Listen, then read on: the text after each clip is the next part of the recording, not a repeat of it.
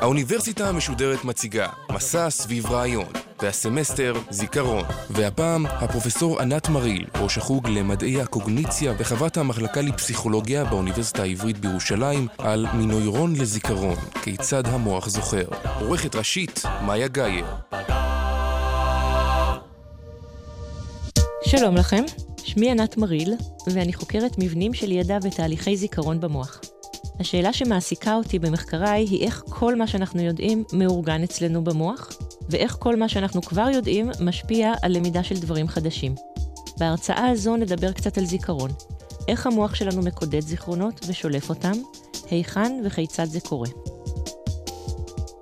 אני רוצה להתחיל עם כמה שאלות אליכם, המאזינים. נסו להיזכר. היכן הייתם אתמול, בדיוק באותה שעה? מה שם העיר שבה אתם מתגוררים? מה פירוש המילה זברה? מי הוא האדם האהוב עליכם? מתי אכלתם מלפפון לאחרונה? האם בים יש מים או סודה? מה הייתה השאלה הראשונה ששאלתי אתכם ברשימת השאלות הזו? כשאנחנו חושבים על הזיכרון שלנו, אנחנו חושבים עליו כמו יונה וולך שכתבה, אדם צובר זיכרונות כמו נמלים.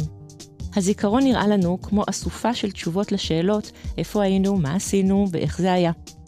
אנחנו יכולים להיזכר בדברים יומיומיים, מה קראנו הבוקר בעיתון, או בדברים מהותיים, לידה, לוויה, לבלוב אהבה, לחלוכית געגוע וחוויות משמעותיות אחרות שמתחילות בלמד. אבל דמיינו לשנייה שאני מוחקת לכם את כל הזיכרון כולו. אינכם זוכרים דבר. אתם לא יודעים מה עשיתם היום או אתמול, מהו התנ"ך, האם אתם אוהבים פטרוזיליה, ביבי כן או לא, מי הוא בכלל ביבי, מה ההבדל בינו לבין ריבת תות שדה. אם מישהו קרוב נפטר, אתם עצובים, ואז שוכחים. אם נולד לכם ילד, אתם שמחים, ואז שוכחים. אנחנו לא באמת יכולים לדמיין את עצמנו בלי זיכרון. המלך ליר אומר במערכה השביעית של המחזה השייקספירי, נדמה לי שעליי לדעת מי את, מי האיש הזה, אבל יש בי ספקות, כי בעיקר אין לי מושג מה המקום הזה, וכל תבונה שבי לא יכולה לזכור את הבגדים האלה. גם איני זוכר כלל איפה לנתי אמש. אל תצחקו עליי, כי חי נפשי, אני חושב שהגבירה הזאת היא ילדתי קורדליה. הזיכרון שלנו, החל ממה שקרה לפני רגע ועד הזיכרון הקדום ביותר, הוא חוויה שמאחוריה מתרחש תהליך עצבי וחישובי, מורכב ומסובך מאין כמוהו, שהמוח שלנו מבצע בתוך שברירי שנייה. איך זה עובד? איך העולם נכנס לנו לראש והופך לזיכרון? השאלה הזו היא בעיקרה עדיין חידה עבור מדענים. אבל חישבו על כך, איך אנחנו מביאים עכשיו לתודעה שלנו משהו שקרה לפני זמן מה, או לפני זמן רב, בהינתן שאין לנו בראש מכשירי הקלטה או מצלמות. חישבו על ליל הסדר האחרון למשל. שבכל הלילות אנו אוכלים חמץ ומצה, חמץ ומצה. אתם חושבים עכשיו על משהו שקרה לפני כחודש. אני מניחה שלא ישבתם סביב השולחן וניסיתם לזכור את האירוע החגיגי, ובכל זאת, רובכם יכולים לזכור פרטים ממנו. זה אומר שהאירוע נכנס למערכת, או קודד, או הותיר עקבות זיכרון במוח שלכם. איך זה קורה? ויותר מזה, איך אתם מעלים אותו בדעתכם כשאני מבקשת מכם להיזכר בו? אם כן, מה נמצא שם במוחנו ואיך הוא מחולל את חוויית ההיזכרות? נתחיל בשאלה איך זיכרון חדש נכנס. כדי לענות על השאלה הזו, עלינו לספר את סיפורו של הנרי מוליסון. הנרי, שנולד בשנת 1926 בארצות הברית, עבר תאונת אופניים בילדותו, ובעקבותיה הוא סבל מהתקפים אפילפטיים. לאחר שההתקפים לא הגיבו לטיפול תרופתי, החליטו רופאיו לנתח אותו ולהוציא ממוחו את המוקדים שהם חשבו שגורמים להתקפי האפילפסיה. הניתוח נערך בשנת 1953, כשהנרי היה בן 27, ובמהלכו הסירו הרופאים חלקים מרקמה שידועה בשם היפוקמפוס משני צידי מוחו. הניתוח הצליח, הנרי הפסיק לסבול מהתקפי אפילפסיה, אבל לניתוח הייתה תופעת לוואי משמעותית. הנרי איבד את היכולת ליצור זיכרונות חדשים. מכאן הסיקו החוקרים שההיפוקמפוס, אותו אזור מוחי שהמנתחים הוציאו בניתוח, מהווה חלק קריטי במוח בתהליך של יצירת זיכרונות חדשים. ממצאים שמבוססים על פגיעות מוחיות באדם אחד, תמיד מעלים את השאלה מה ניתן ללמוד מהם על התפקוד של מוחות בריאים. במחקר הדמיה מוחית שערכנו הרבה שנים אחר כך, במעבדה של דניאל שקטר מאוניברסיטת הרווארד בתחילת שנות האלפיים, הראינו מעורבות של ההיפוקמפוס בקידוד זיכרונות חדשים גם במוחות בריאים. בעת שנבדקים נסרקו במכשיר MRI, הם למדו רשימה של מילים. בצאתם מהסורק ערכנו להם מבחן זיכרון על המילים, חלקן נזכרו וחלקן נשכחו. חזרנו לנתוני הסריקה, ובדקנו האם יש הבדל בפעילות המוחית בזמן הקידוד של מילים שאחר כך נזכרו, לעומת כאלה שנשכחו, ומצאנו הפרשים כאלה בהיפוקמפוס. אבל מהו התהליך הזה המתרחש בהיפוקמפוס? איך אנחנו רושמים או יוצרים זיכרון חדש? אריק קנדל, חוקר באוניברסיטת קולומביה וחתן פרס נובל, שאל את עצמו את זה בדיוק. בסופו של תהליך קיים איכשהו ואיפשהו זיכרון במוח, אבל איך הוא הגיע לשם? קנדל שאל שאלה גדולה, והוא החליט להתחיל בהיפוקמפוס בעקבות המקרה של הנרי מוליסון. אז בסוף שנות ה-50 הוא מחליט לעקוב באמצעות אלקטרודות אחרי פעילות של תאי עצב בתוך ההיפוקמפוס, מתוך מחשבה שהם בטח עושים משהו מאוד מיוחד, מקודדים זיכרונות. כך, קנדל חשב, אפשר יהיה לראות משהו בדפוס הפעולה שלהם שילמד אותנו איך הם מקודדים. הוא ביצע את המחקר בחיות מעבדה כמובן, ולא באנשים, והוא הקליט פעילות חשמלית מתוך תאי עצב בהיפוקמפוס של חיות, וחיכה שהם יספרו לו סיפור. הם לא סיפרו לו כלום. הוא קיבל המון נתונים על פעילות של תאים בהיפוקמפוס בזמן למידה, אבל מהנתונים הללו לא צמחה התובנה אודות קידוד הזיכרון. אז הוא החליט לחקור את הנושא באופן אפילו יותר בסיסי. לחקור למידה מאוד פשוטה, שמקודדת באמצעות מערכת עצבים מאוד פשוטה. בתחילת שנות ה-60 הוא פנה לאפליזיות. אפליזיות הן חשופיות בעלות מערכת עצבים שמכילה תאי עצב גדולים. Now, what's so wonderful about the immune stale aplasia? I met all the criteria that I thought were important. It had a limited number of nerve cells, and the whole nervous system was only 20,000 nerve cells. Your brain and mine is a million, million nerve cells. Number two, the cells, many of them were gigantic. I could see them with my naked eye. Moreover, many of these cells are uniquely identifiable, so you could return to the same cell time and time again. המחשבה הייתה שאם הוא יוכל לגלות את התהליכים שעוברים על תאי עצב של הפליזיה בזמן שהיא לומדת משהו חדש, גם אם פשוט, הוא יגלה את המפתח לאופן שבו אנחנו, אנשים, לומדים וזוכרים גם דברים מורכבים. כי אחרי הכל, לאפליזיות יש תאי עצב ממש כמו לנו, והתהליך יכול להיות מאוד דומה, לפחות חלק התהליך שמתרחש ברמת העצב הבודד. אז הוא לימד את האפליזיה לפחד מצליל מסוים. הוא עשה את זה באמצעות יצירת אסוציאציה בין הצליל הזה לבין שוק חשמלי קל, כזה שגורם לה לקיבוץ. בכל פעם שהושמע צליל כזה, הגיע מיד אחריו צביטה קטנה של שוק חשמלי חלש, והפליזיה התכווצה. לאחר כמה פעמים כאלה נוצר זיכרון או למידה. החיה למדה לקשר את הצליל לשוק החשמלי. איך אנחנו יודעים שהיא למדה? כי אחרי כמה צימודים כאלה, החיה התכווצה גם כשלא היה כלל שוק חשמלי, רק למשמע הצליל. החיה למדה שצליל פירושו שוק חשמלי. קנדל בודד מהפליזיה שני תאי עצב, אחד סנסורי, שמאבד חישה, ואחד מוטורי, שמאבד תנועה. הוא החזיק את שניהם חיים ומתפקדים בתוך משהו שהוא כמו צלחת פטרי. שני תאי העצב או הנוירונים הללו יצרו ביניהם מגע או נקודת מפגש שנקראת סינפסה. סינפסה היא רווח קטנטן בין שני תאי עצב, מין תווך ביניהם שבאמצעותו הם מעבירים אינפורמציה, כימיקלים, אחד לשני. אז קנדל גירה את הנוירון הסנסורי, החש, וראה שכתוצאה מכך, קשרים סינפטיים חדשים התחילו לגדול. הנוירון שלח מעין אצבעות חדשות, עוד נקודות מגע, לכיוון הנוירון המוטורי שלידו. זו הייתה מהפכה גדולה. זו הייתה הפעם הראשונה שבה ראו שלמידה או זיכרון מתבטאים בשינוי אנטומי במוח, יצירה של כישורים חדשים בין תאי עצב. השינויים הללו במבנה הסינפסות הם הבסיס הביולוגי של זיכרון, גם באפליזיה של קנדל וגם בכל חיה אחרת, כולל אותנו, בני האדם. אבל זו רק רמה אחת של המכונה שאחראית על החישובים והעיבודים שמייצרים זיכרון, רמת העצב הבודד. כשעוברים מלמידה של אסוציאציה פשוטה בין גירוי או תגובה אצל הפליזיה לזיכרון אנושי מורכב, למשל, כמה יפה שרנו בארבעה קולות את מה נשתנה בליל הסדר האחרון, כאן כמובן לא מדובר בכישורים בין תא סנסורי אחד לתא מוטורי אחד, אלא ברשת ענפה של כישורים בין תאי עצב רבים מאוד, עשרות, מאות או אלפים, מתוך כ-100 מיליארד תאי עצב שיש במוח האנושי. איפה הרשתות הללו נמצאות במוחנו? האם יש רשת כזו לזיכרון של השיר "מה נשתנה" מליל הסדר האחרון, והאם היא נפרדת מזו של ליל הסדר שלפניו, ורשת נפרדת לזיכרון של מהו בכלל ליל סדר, ואחת שזוכרת מה קרה בכל הלילות, כך שאנחנו יכולים לדעת מה נשתנה הלילה הזה, והאם כל הרשתות הללו נמצאות באותו מקום במוח? ב-20-25 שנה האחרונות אנחנו יכולים לשאול שאלות על זיכרון במוח האנושי, לא רק באפליזות ובעכברים, תודות לשיטות הדמיה מתקדמות שמאפשרות לנו לעקוב אחרי פעילות מוחית אצל אדם בריא. אז אנחנו יכולים לשאול, איפה נמצא הזיכרון של אנשים? ואחד הדברים החשובים שאנחנו מגלים, הוא שאין דבר כזה בעצם חתיכת זיכרון הממוקמת ברשת ברורה ומוגדרת במוח. אין מעין כרטיסייה שבה רשום התוכן של הזיכרון, והיא ממוקמת במיקום כזה וכזה בתוך הספרייה הגדולה הכוללת של כל הזיכרונות שלנו. פשוט אין דבר כזה. למעשה, אפילו אין דבר כזה חתיכת זיכרון, כמו שעוד מעט נראה.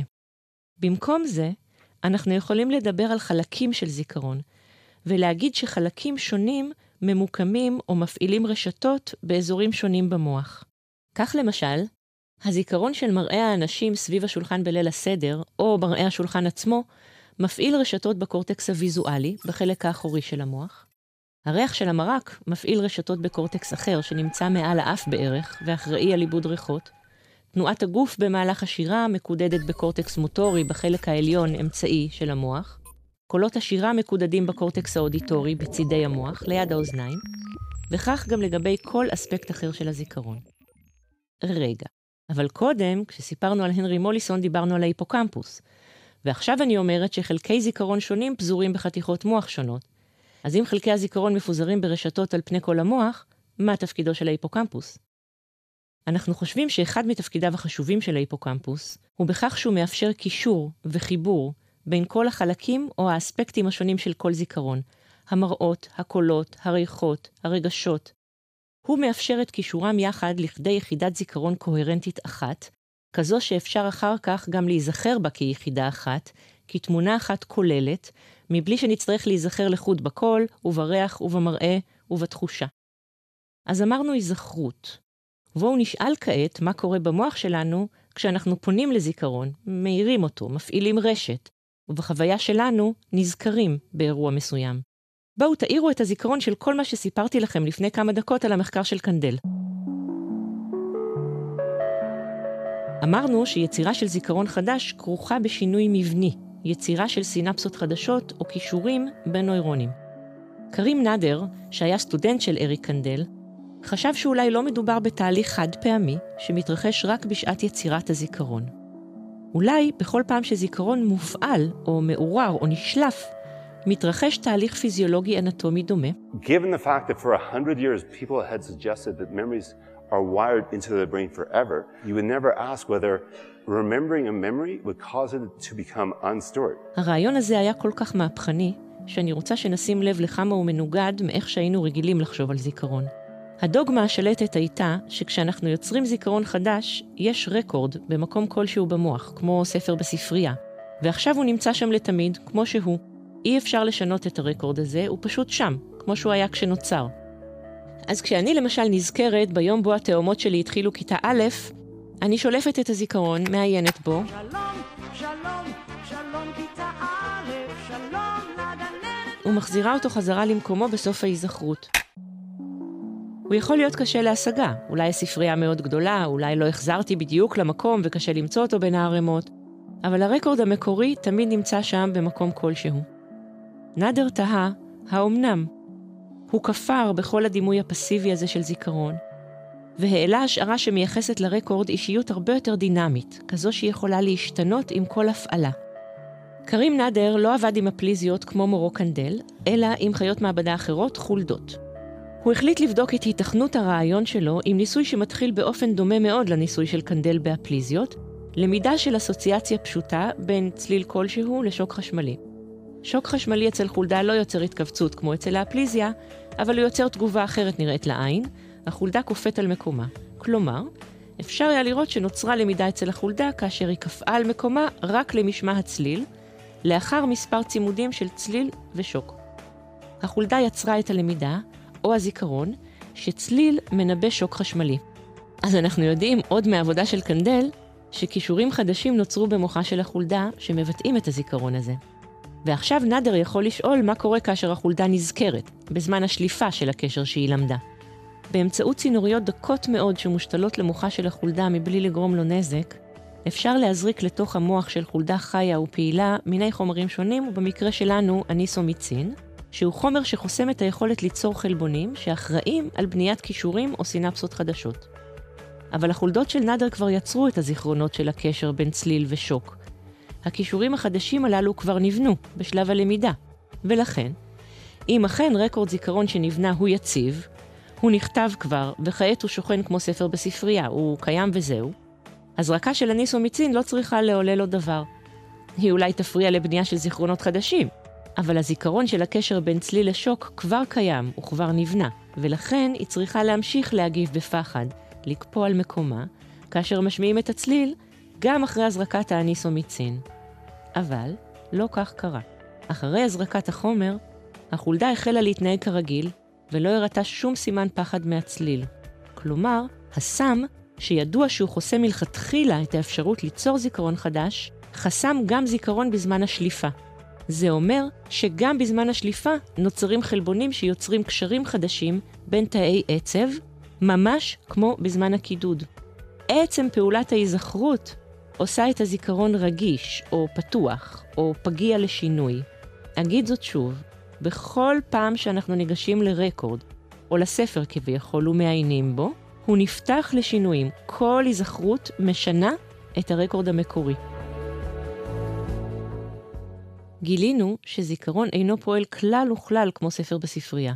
אולי דימוי נכון יותר הוא של קובץ במחשב, שבכל פעם שאנחנו פותחים אותו, אנחנו משנים אותו, ולו במעט. בדימוי הזה, בכל פעם שאנחנו נזכרים, אנחנו מעלים את הזיכרון מהדיסק הקשיח על מנת לעיין בו, ועל מנת להחזיר אותו בסוף העיון, ההיזכרות, לדיסק הקשיח, אנחנו מעבירים אותו תהליך שהוא כמו קידוד מחדש. אנחנו קוראים לתהליך הזה קונסולידציה. הקונסולידציה כרוכה אף היא ביצירת חלבונים וכישורים. אפשר לחשוב על זה כעל תהליך שיוצר re-wiring או הטמעה מחדש של הזיכרון לתוך הדיסק הקשיח או לתוך המוח. וכך, בכל פעם שאנחנו מפעילים את אותו זיכרון, הוא בכל פעם קצת אחר, הוא כבר לא בדיוק אותו זיכרון, הוא משתנה. נשים לב שקונסולידציה מסבירה הרבה דברים שכבר ידענו שקורים, אבל לא ידענו איך להסביר אותם. אנחנו יודעים שזיכרונות משתנים, שהם לא מדויקים, שהם לא רקורד נאמן ומלא פרטים של העבר בדיוק כפי שהוא קרה. אנחנו זוכרים באופן חלקי, לא מדויק, לפעמים אפילו דברים שלא באמת קרו, אלא רק רצינו שיקרו. לעתים אנחנו ממציאים זיכרונות, ואם לא זיכרונות שלמים, אנחנו ממציאים פרטים שלא היו, וגורעים פרטים שכן היו. הדינמיות הזו של הזיכרונות שלנו נראית קצת פחות מסתורית, אם זיכרונות הם רקורד חי ומשתנה עם כל נגיעה. אפשר לשאול למה שמערכת זיכרון תהיה בנויה בצורה כזו, כל כך פרוצה ופתוחה לשינויים ולעריכה מחדש. ויותר מזה, למה שהיא לא תהיה עמידה למחיקה של כל מה שנכנס אליה? במילים אחרות, מדוע אנחנו שוכחים? ישנם אנשים שלא שוכחים, או לפחות לא כמו כל אחד מאיתנו. הם מכונים היפרמנזים, כלומר בעלי זיכרון על, כזה שזוכר הכל, כולל איפה הם היו ביום רביעי לפני שנתיים וחצי. Like these shoes, the first time I wore them October 18th, 2007. These I wore on uh, April the 21st of this year, so that was a Tuesday. Um, oh, these shoes I got a long time ago, 1982. I got them in April the 9th, so that was a Friday of 1982. אם יש אנשים כאלה, זה אומר שבעיקרון המוח מסוגל לרשום כל דבר ודבר מבלי למחוק כלום. יש מספיק מקום, גם למה שחשוב וגם למה שטריוויאלי.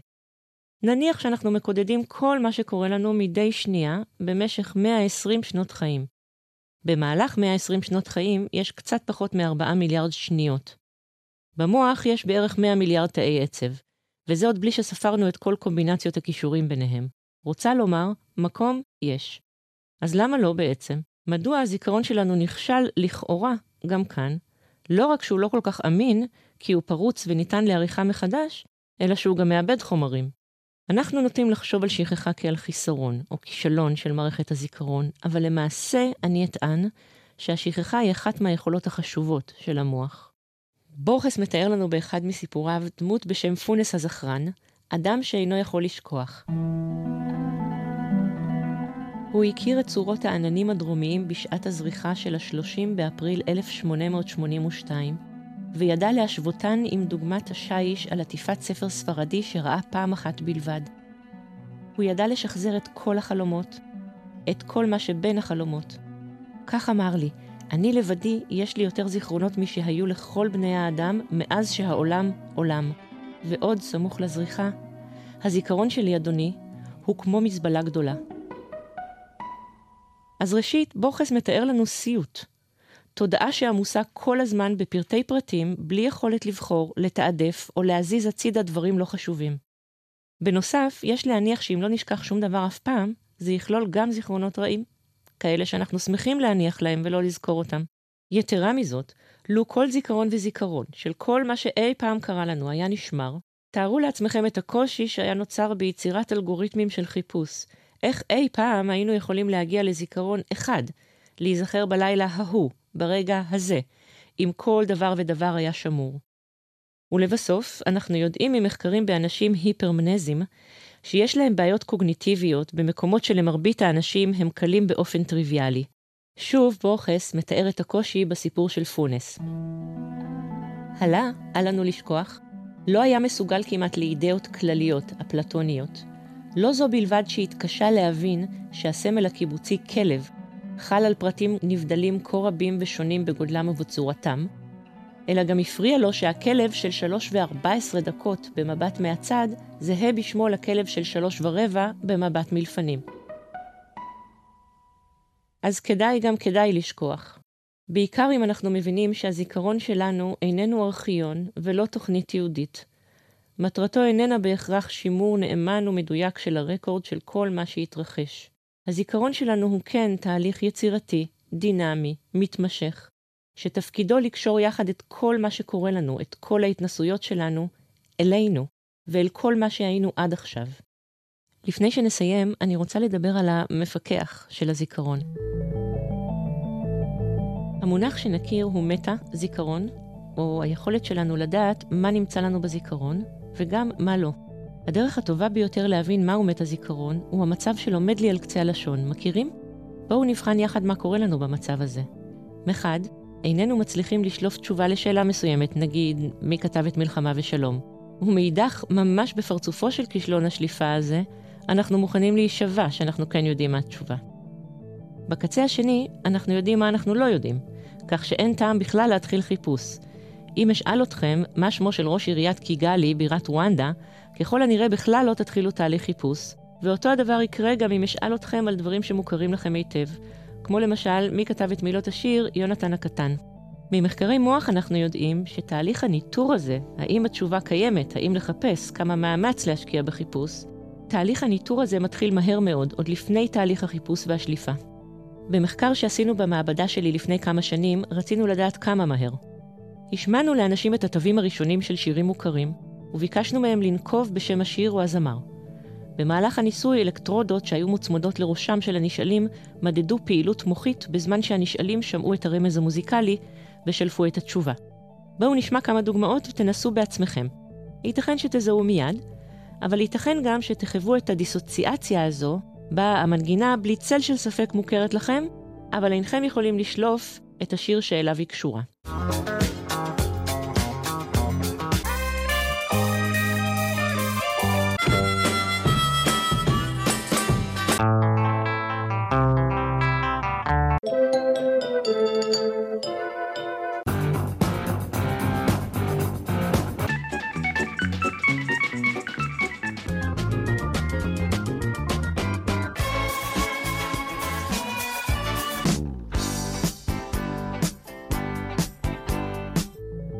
ולאלה מכם שפשוט חייבים את התשובה, Staying Alive, הבני בי, Love Me Do, House of the Rising Sun, אילו ציפורים, Smoke on the Water, בשמלה אדומה, חסקה, Dancing Queen ואלף כבאים. ומה מצאנו בניסוי? מצאנו סיגנל שהתקבל במוח כבר אחרי 300 אלפיות שנייה, שניבא מה תהיה התשובה של הנשאל בעוד שלוש שניות. האם הוא יגיד שהוא מזהה או לא מזהה, או שהמנגינה נשמעת לו מוכרת, אבל הוא לא זוכר לאיזה שיר היא שייכת. כלומר, פעילות מוחית מוקדמת מאוד העידה על תוצאות תהליך ההיזכרות. נדמה כאילו מנהל עבודה בתוך המוח החליט האם להמשיך להפעיל אזורים אחרים במוח ולחפש את התשובה, אם לאו.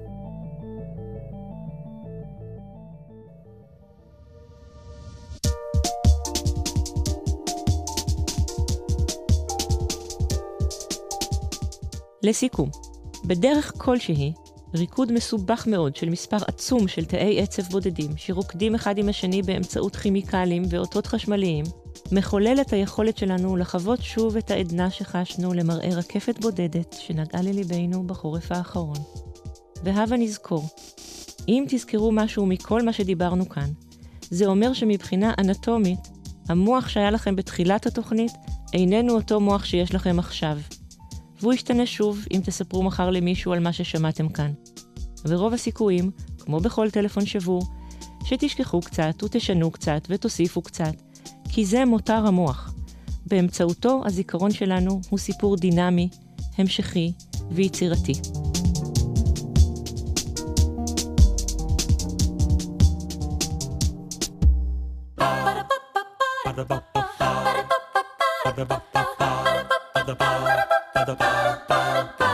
האוניברסיטה המשודרת, מסע סביב רעיון. הפרופסור ענת מריל, ראש החוג למדעי הקוגניציה וחברת המחלקה לפסיכולוגיה באוניברסיטה העברית בירושלים, על מנוירון לזיכרון, כיצד המוח זוכר.